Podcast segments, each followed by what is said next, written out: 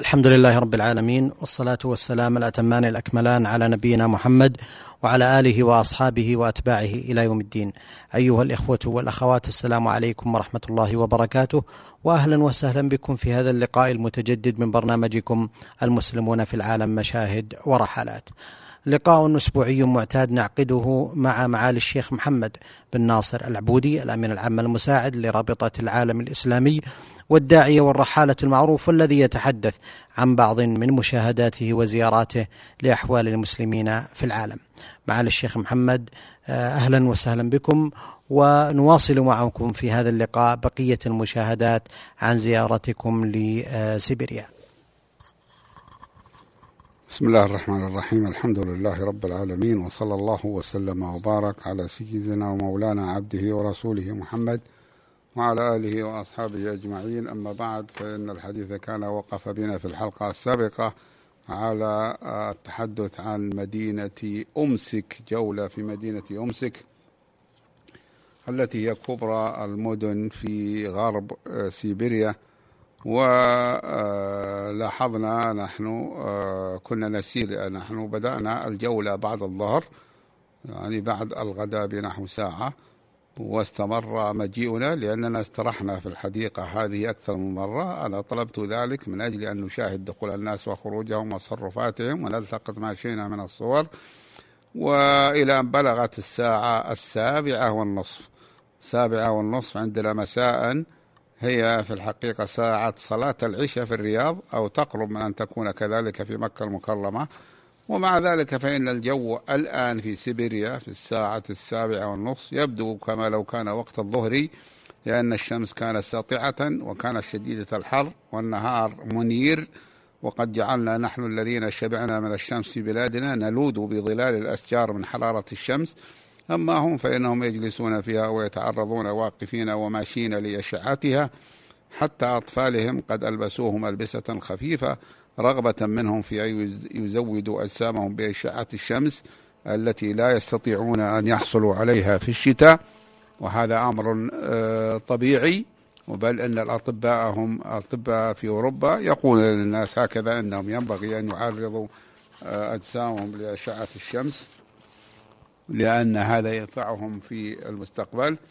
إذا رآهم المرء هنا رأى الأوروبيين الخلص الروس الذين هنا كما قلنا هم من الروس في الحقيقة ومن من يسمون المتروصين أي الذين أصبحوا روسا بحكم الديانة أو بحكم وأحيانا تكون أيضا حكم الديانة وحكم اللغة.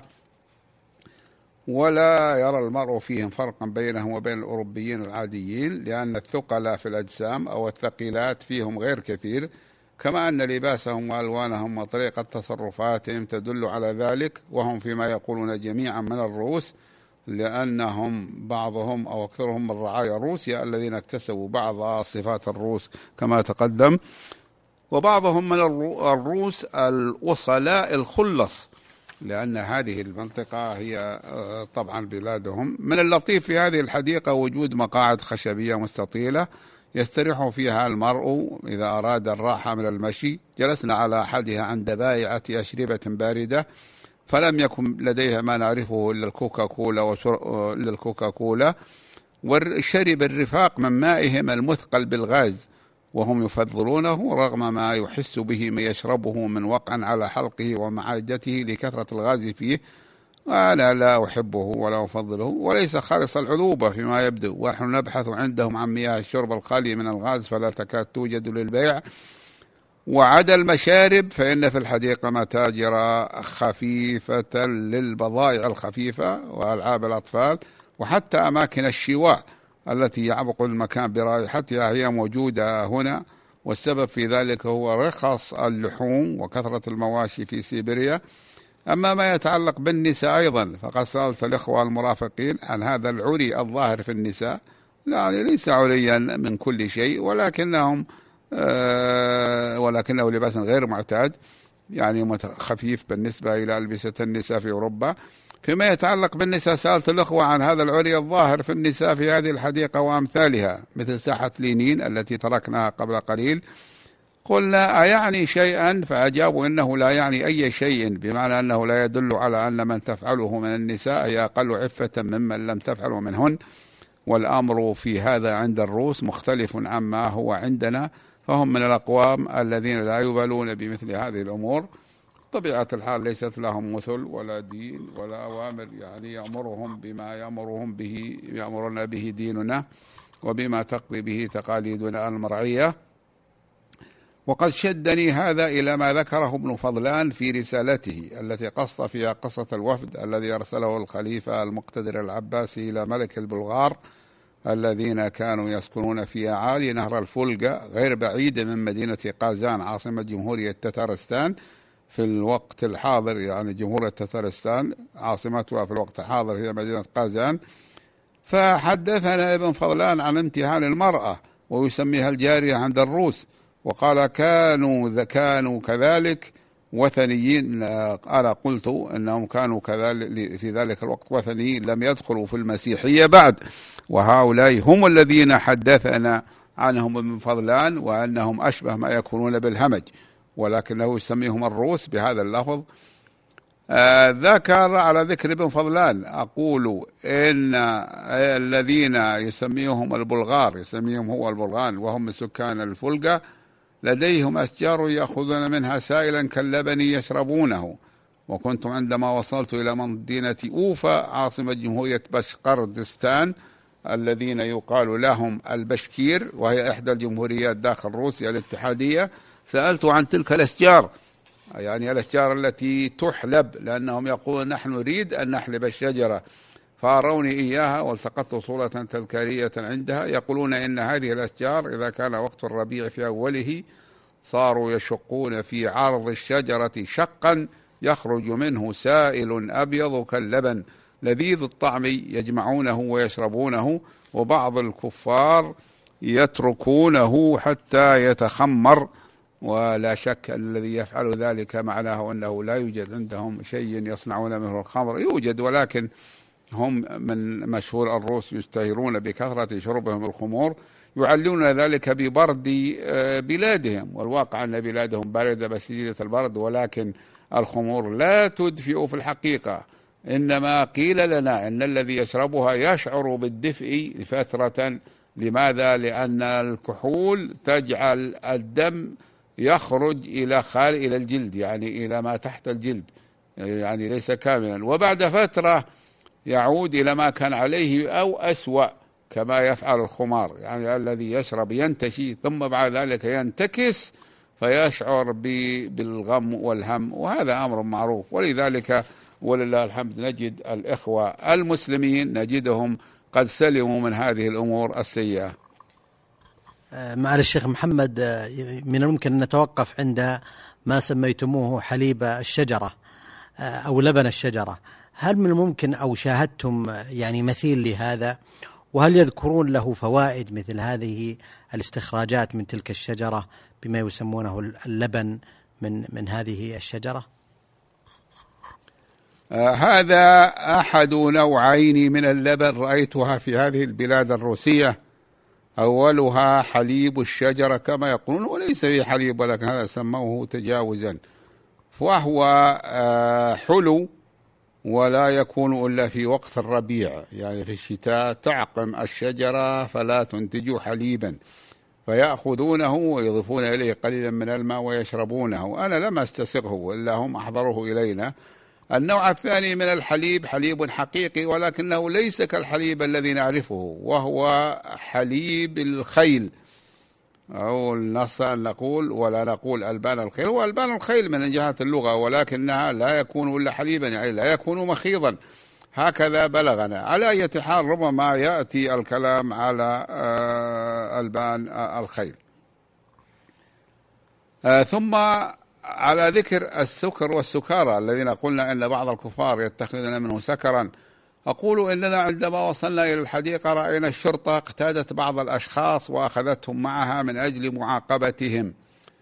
قالوا قال الإخوة المراقبون الذين هم من أهل البلاد ويعرفون عاداتها ويعرفون لغتها قالوا ذلك أنهم كانوا يشربون الخمر في مكان عام وهو آمر ممنوع في روسيا في ذلك الوقت.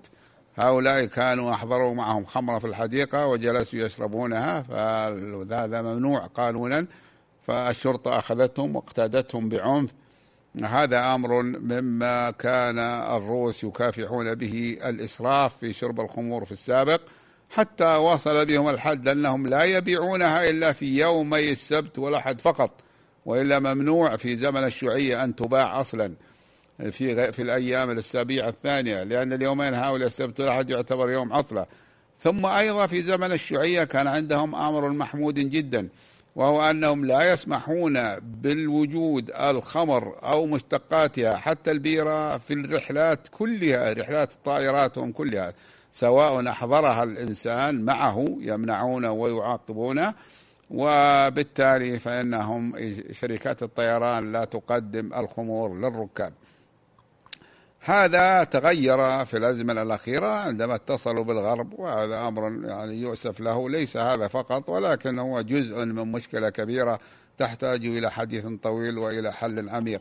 واصلنا السير والتجول في هذه الحديقة الكبيرة يسمونها الحديقة المركزية. فوجدت ان العناية بالتزهير والتجميل فيها دون ذلك بل لا يكاد يحس به مع أن الأمر يقتضي أن يكون غير ذلك لسهولة زرع الزهور.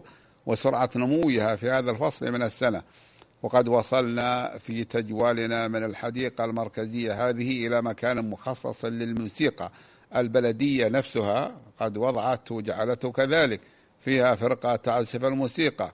ورأينا رجالا ونساء يجلسون على مقاعد معدة. لذلك يستمعون إلى الموسيقى. وهي موسيقى روسية لا يفهمها آه، إلا من اعتادت أذنه على سماع الموسيقى الغربية.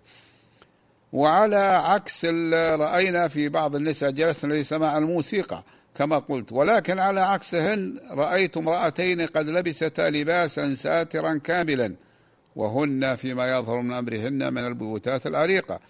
فسألت الإخوان ما عن أمرهما لأنهم لأنهما يخالفان تخالفان جميع النساء هنا. فسأل سألهما أحد الإخوة فقال هذا السيد هو غريب ويحب أعجبه ملابسكن ملابسكن ويحب التقاط صورة لكن فامتنعنا عن ذلك وقالوا لا نأذل بذلك. ولا أدري ما هو السبب. ربما يكون من الممثلات على أي حال آه، نحن تركنا هذه الحديقة وذهبنا إلى بيت رئيس الجمعية الإسلامية الأخ نار بيك لتناول العشاء والشمس لم تغرب بعد مع جمع من المرافقين وغيرهم. فتركنا الحديقة المركزية وسرنا مع شوارع من شوارع مدينة أمسك جيدة وبخاصة في التشجير. ويرى المرء في جانب الشارع الكبير منها حبال الكهرباء التي تسير بها الحافلات الكهربائية المسماة في مصر ترولي باص وهي شائعة الاستعمال آه، هنا في هذه البلاد. وكذلك يوجد عندهم ما يسمى بترماي وهو قطار آه، صغير. كل هذا من أجل المواصلات العامة لأن سائرهم ليست عندهم سيارات. ووسائل المواصلات الكبيرة هذه مهمة في هذه البلاد التي كانت شيوعية وصارت بلاد رأسمالية فقيرة. هذا كان عندما زرناها الآن حسن وضع الاقتصاد فيها وصار عندهم سيارات وصار عندهم ليس مثل غيرهم ولكنه أحسن مما كان عليه الأمر بكثير في السابق. وصلنا إلى شارع اسمه شارع كارل ماركس وهو منظر الشيوعية كما هو معروف ويصب شارع كارل ماركس في ساحة لينين مثل ما كان فكره قد صب في عقل لينين فكان ذلك مدعاة إلى أن يطبق النظرية أي لينين إلى أن يطبق النظرية الشيوعية التي زعم أنه قد يصل إليها بعد تطبيق الاشتراكية وقد نفذ الاشتراكية بالفعل ولكنه أنها فشلت قبل أن يصل إلى مرحلة تنفيذ الشيوعية ثم فشلت الشيوعية أيضا ولله الحمد لأنها خلاف طبيعة الإنسان وخلاف سنة الله في خلقه على أي حال هذا أمر طويل يحتاج إلى بحث عند من يريد التدقيق في البحث. ثم صعدنا فوق جسر على نهر أوم ونهر أوم هو الذي سميت عليه مدينة أوم سك. سك معناها آه النسبة فكأنها مدينة أوم. وهذا النهر نهر تاريخي عرفه المسعودي ولكن بغير هذا الاسم قبل 1100 سنة عرفه وذكره. ولكن آه، بعض المثقفين العرب منا لم يعرفوه حتى الآن مع وجوده مع الأسف فكأننا تأخرنا في مسألة التعرف على الآخرين سواء ما يتعلق ببلادهم أو ما يتعلق بعاداتهم وشعوبهم. سرنا حتى وصلنا بيت رئيس الجمعية الأخ نار بيك وهو بيت خاص من الخشب على طراز تقليدي واسع كأنه الدارة الفلة الواسعة. لا يرى المرء الذي يكون في داخله أي شيء يدل على أنه من الخشب فهو مطري بطلاء يجعله في منظر البيت الإسمنتي ومكسو أكثره بورق من ورق الحيطان الجميل والمراد بالبيت الخاص به أنه ليس شقة في مبنى من عدة شقق بل هو كله سكن خاص من طابق أرضي واحد مخصص لأخينا أنار بيك الذي معنا اسمه أنور بيك. قصدنا حسب تقديم صاحب البيت قاعة الجلوس الواسعة فوجدنا فيها مائدتين من الخشب قصيرتي الأرجل كالتي يأكل عليها المغاربة ولها أرجل من الخشب خمس وقد وضعوا عليها قبل وصولنا المقبلات والمقدمات للمائدة. وفي وسط هذه المقدمات الجاهزة رأس الذبيحة. آه، مما يدل على أن صاحب البيت قد ذبح الذبيحة يعني جعلوها مع المقدمات. والمقدمات عندهم السلطات وأنواع من المآكل فهم آه، جعل الرأس وحده مقدما يراه كل من دخل يدل على أن صاحب قد ذبح ذبيحة وأنه سوف يقدمها للضيوف. أما الذبيحة فإنها تأتي بعد ذلك يعني بعد أكل المقدمات تناول المقدمات.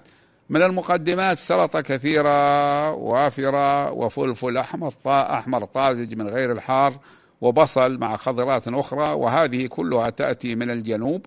أما في سيبيريا فليس فيها إلا أنواع قليلة منها ولا تدرك إلا في آخر الوقت. ثم جاءوا بإبريق وصحن مقعر من الخزف. لغسل الأيدي وهذه عادة كنا نعملها بحيث أنه يأتي شخص يحمل معه إبريقا هذا في بلادنا إبريقا من النحاس وتحته صحن مقعر فيغسل الشخص يده يصب عليها الذي يأتي بالإبريق من الإبريق مع أن يغسل به يده. ها هنا نفس الشيء لا يزالون باقين عليه. جاءوا بإبريق وصحن مقعر من الخزف لغسل الأيدي.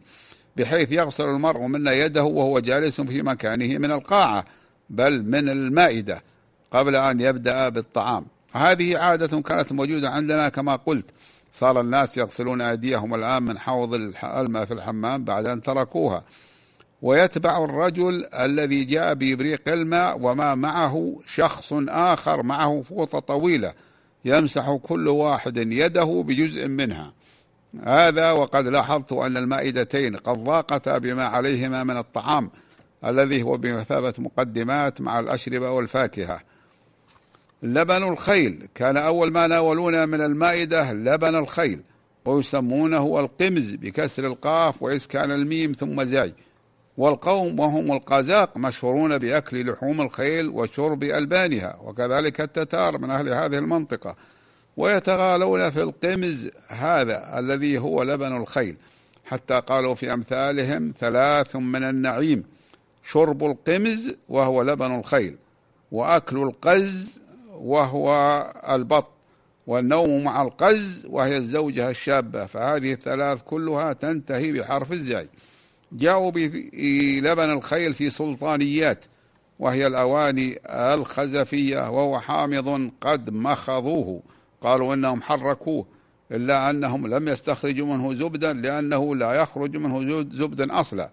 فهو كلبن الإبل الذي لا يكون فيه زبد عندنا وإنما يكون منه في بعض الأحيان شيء شبيه بالزبد قليل يسمون يسميه جباب.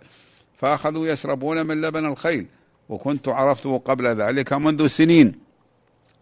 ولكنهم يعتبرون تقديم اللبن الخيل من علامات الإكرام بل من علامات السخاء. وكنت رأيته قبل سنوات في بلاد القازاق في تركستان الشرقية التي تقع في نهاية الشمال الغربي للصين ويسميها الصينيون سينجياغ. وفي بلاد رأيت أيضا في بلاد البشكير التي تقع إلى الجنوب من جبال الأورال التي تفصل بين قارتي أوروبا وآسيا. ولم أستسغ لبن الخيل في ذلك الوقت. لأنه حامض ليس له طعم اللبن الذي نعرفه من الغنم والبقر ولكنهم يتغالون به ويبالغون في نفعه للجسم وقد رأيتني أندفع إلى شربه وأغمض عيني عن حموضته وعن طعمه الذي لم أستسقه مدفوعا بما ذكروه من حسن أثره في الجسم ومن إمعانهم الشرب منه وإن لم أستطع أن أشربه بسرعة كما فعلوا. كان تحلق معنا على المائدة ثمانية أشخاص. منهم الشيخ نفيع الله عشروف مرافقنا في هذا القسم من البلاد السيبيرية السيبيرية وهو رئيس الإدارة الدينية في منطقة سيبيريا. جاءوا بالطعام الرئيسي في صحن كبير. آه، معالي الشيخ محمد بودنا نتوقف على موضوع آه، حليب آه، الخيل الذي شربتموه. هل كان يعني لماذا العرب قديما لم تلتفت إلى حليب الخيل. هل يعني هذه الفوائد التي يشيرون إليها هل غابت عن العرب قديما؟ وهل فعلا من يعني طبيا وصحيا ثبت أن لحليب الخيل تلك الفوائد التي يشيرون إليها؟ اولا هم يؤكدون على أن لبن الخيل أنه مفيد جدا. بالنسبة للعرب لماذا يتخذوه؟ لأن الخيل عندهم قليلة. ويحتاجونها إلى آه، للحرب وللدفاع وللإغارة أيضا على الأعداء. فعندنا كما نحن نعرف نوع من الخيل يسمى القحص قاف حاء سين القحص.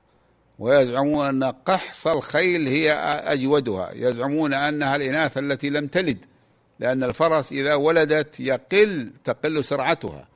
ويقل نشاطها.